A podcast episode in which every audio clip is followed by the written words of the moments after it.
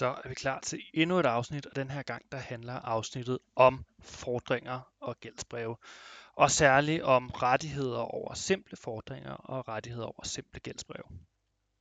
Helt grundlæggende, så er en fordring, det er det man har, når man på en eller anden måde har noget til gode hos en.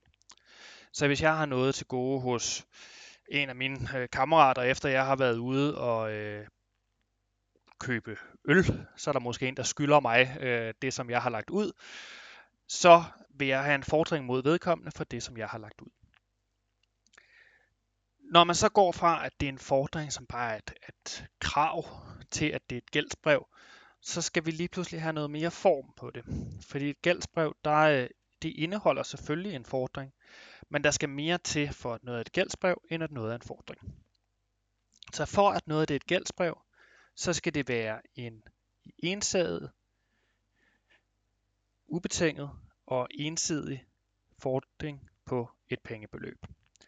Altså, det skal vedrøre penge, det skal være et ensidigt krav, øh, og det skal være ubetinget. For at det er et gældsbrev, så skal de her ting altså være opfyldt. Øh, og det betyder, at hvis man bare har et krav på noget andet end penge, jamen så allerede derfor kan det ikke være et gældsbrev. Hvis man har et krav i henhold til en faktura, jamen så kan det heller ikke være et gældsbrev, fordi et fakturakrav, det er aldrig ubetinget, det er heller aldrig ensidigt. Der skal jo leveres noget den anden vej. Så altså for at noget overhovedet er et gældsbrev, jamen så skal det være en i hovedsagen ensidig og ubetinget fordring på et pengebeløb. Så deler man gældsbrev op i simple gældsbrev og negociable gældsbrev. Negociable gældsbrev, det er det, der også bliver kaldt for omsætningsgældsbrev. Og det er sådan, at alt er som udgangspunkt simpelt, medmindre man specifikt har aftalt, at det er negotiabelt. Det er lidt en forskel fra det, vi snakkede om, da vi snakkede om pant i fast ejendom, og særlig øh, gyldighedsvirkning og paragraf 27 stykke 2, hvor at alle pantebreve de var negotiable. Her der er det lige omvendt. Alt er simpelt, medmindre man har aftalt, at det er negotiabelt. Og måden man aftaler det på, det er ved at man kigger i gældsbrevslovens paragraf 11 stykke 2. I paragraf 11 stykke 2, der er der nogle forskellige typer ordlyd, man kan putte ind i sit gældsbrev, og hvis man putter en af de ordlyde ind i sit gældsbrev, jamen, så bliver det et negociabelt gældsbrev. Det kan enten være, at man skriver, at der skal ske betaling til hændehaveren, så det er et hændehavergældsbrev, det er et, et, øh, negociabelt gældsbrev. Det kan være, at der står, at der skal ske betaling til en bestemt person eller ordre, så det er et ordregældsbrev. Så der er forskellige muligheder for at lave øh, et gældsbrev negociabelt. Så altså, det er ligesom det første, man skal finde ud af. Man skal finde ud af, om man snakker her om et negociabelt gældsbrev eller om et simpelt gældsbrev. Og hvis der ikke er aftalt noget, jamen, så er det simpelt, så er det dejligt let. Når vi snakker fordringer, så øh, har jeg muligvis sagt øh, i, et, i et tidligere afsnit, altså gør jeg det i hvert fald nu, at øh, det er min opfattelse, at fordringer de kun kan være simple, at de ikke kan være negociable, og det er fordi, at paragraf 11 stykke 2 der står der jo, altså det er øh, paragraf 11 i det hele taget, det kommer til anvendelse på omsætningsgældsbreve. Der står ikke omsætningsfordringer eller negotiable fordringer. Og da det ligesom er et krav, at man skal have opfyldt paragraf 11 stykke 2, for at noget det er negotiabelt, jamen så har det lidt øh, formodning imod sig, at man kan snakke om negotiable fordringer, øh, men at man kun kan snakke om negotiable gældsbrev. I sidste afsnit, der snakkede vi om virksomheds- og fordringspant, en måde, hvor man ligesom kunne pansætte alle ens udstående kundefordringer på én gang. Nu skal vi snakke om, jamen, hvordan gør man, hvis man har enkelte fordringer, og man gerne vil, vil pansætte dem eller overdrage dem. Og der er det sådan, at en fordring kan ligesom alt muligt andet overdrages enten til eje eller til sikkerhed.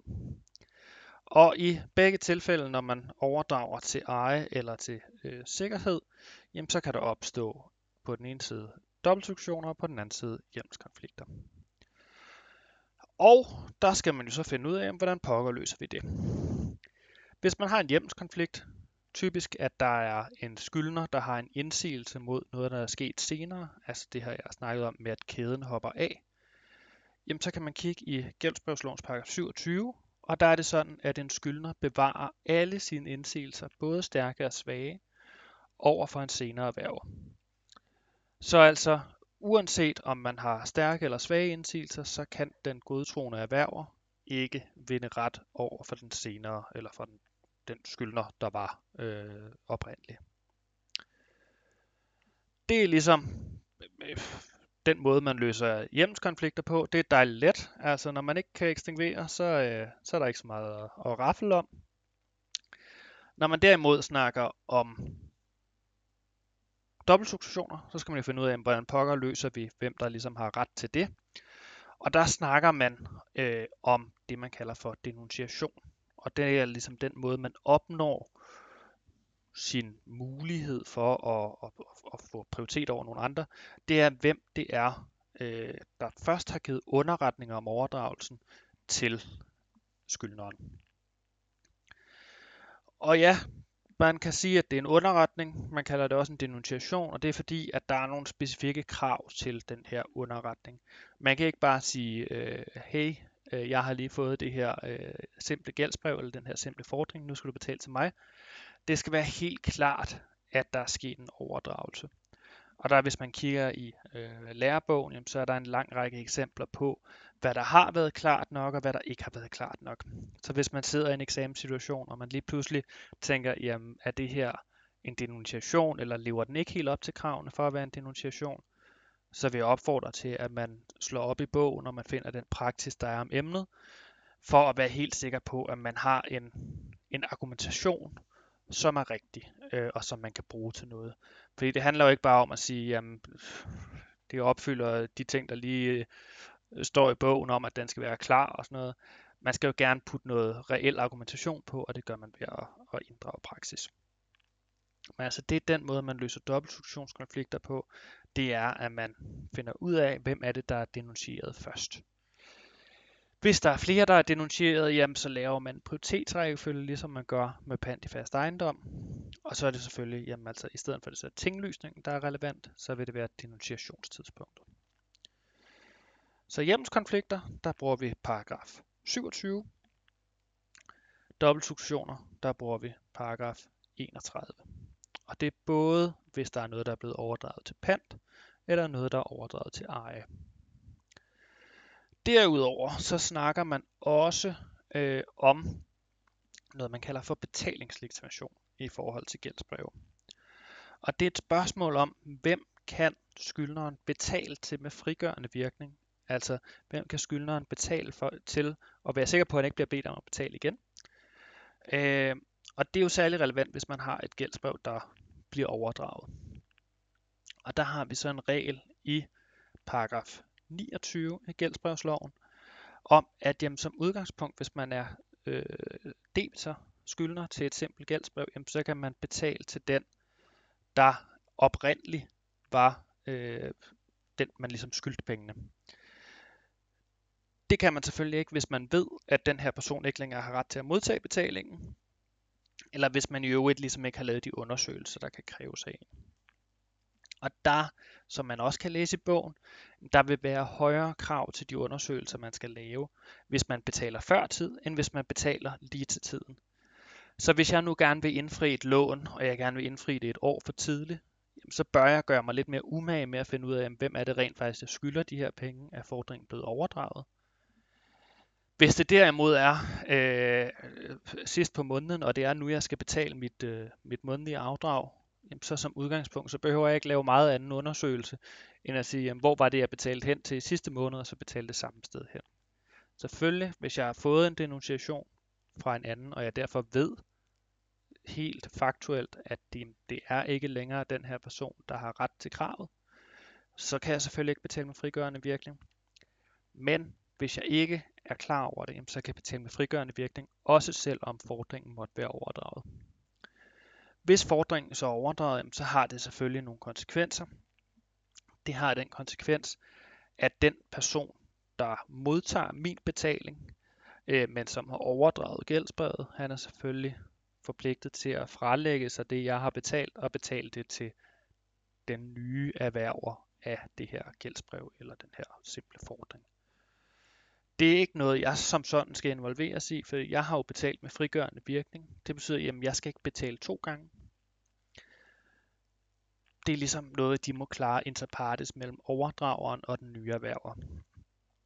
Hvis vi derimod havde en situation, hvor jeg havde betalt, og jeg ikke havde koncentreret mig godt nok, og jeg ikke havde fået tjekket, om den jeg betalte til, det var den rigtige, så jeg ikke betalte med frigørende virkning, jamen så ville jeg stå i en situation, hvor jeg skulle betale først til den ene, og så til den anden, og så kan jeg selvfølgelig kræve pengene tilbage fra den, jeg har betalt det til, som ikke var berettiget til det, men så er det lige pludselig min risiko at få pengene tilbage. Det er ikke en risiko mellem de to andre parter.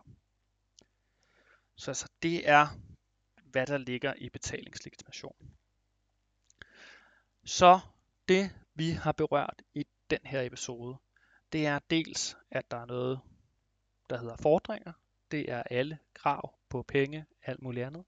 Så har vi gældsbrev, der skal lidt mere til for at noget et gældsbrev. Der er det det her med, at det skal være en i hovedsagen ensidig og ubetinget fordring på et pengebeløb. Så har vi snakket om, at der dels er simple gældsbreve og negociable gældsbreve. Det er der, hvor paragraf 11 stykke 2 er relevant. Og så har vi snakket om hjemmelskonflikter, dobbeltsubskriptioner og betalingslegitimation ved simple gældsbreve og simple fordringer. Og det er det der, hvor man bruger paragraf 27 til hjemmelskonflikter, paragraf 29 til betalingslegitimation og paragraf 31 til dobbeltsubskriptioner. Det var, hvad vi skulle igennem i det her afsnit. Tusind tak for, at du lyttede med. Og det næste afsnit, det kommer til at handle om pant i løsøger og pant i motorkøretøjer.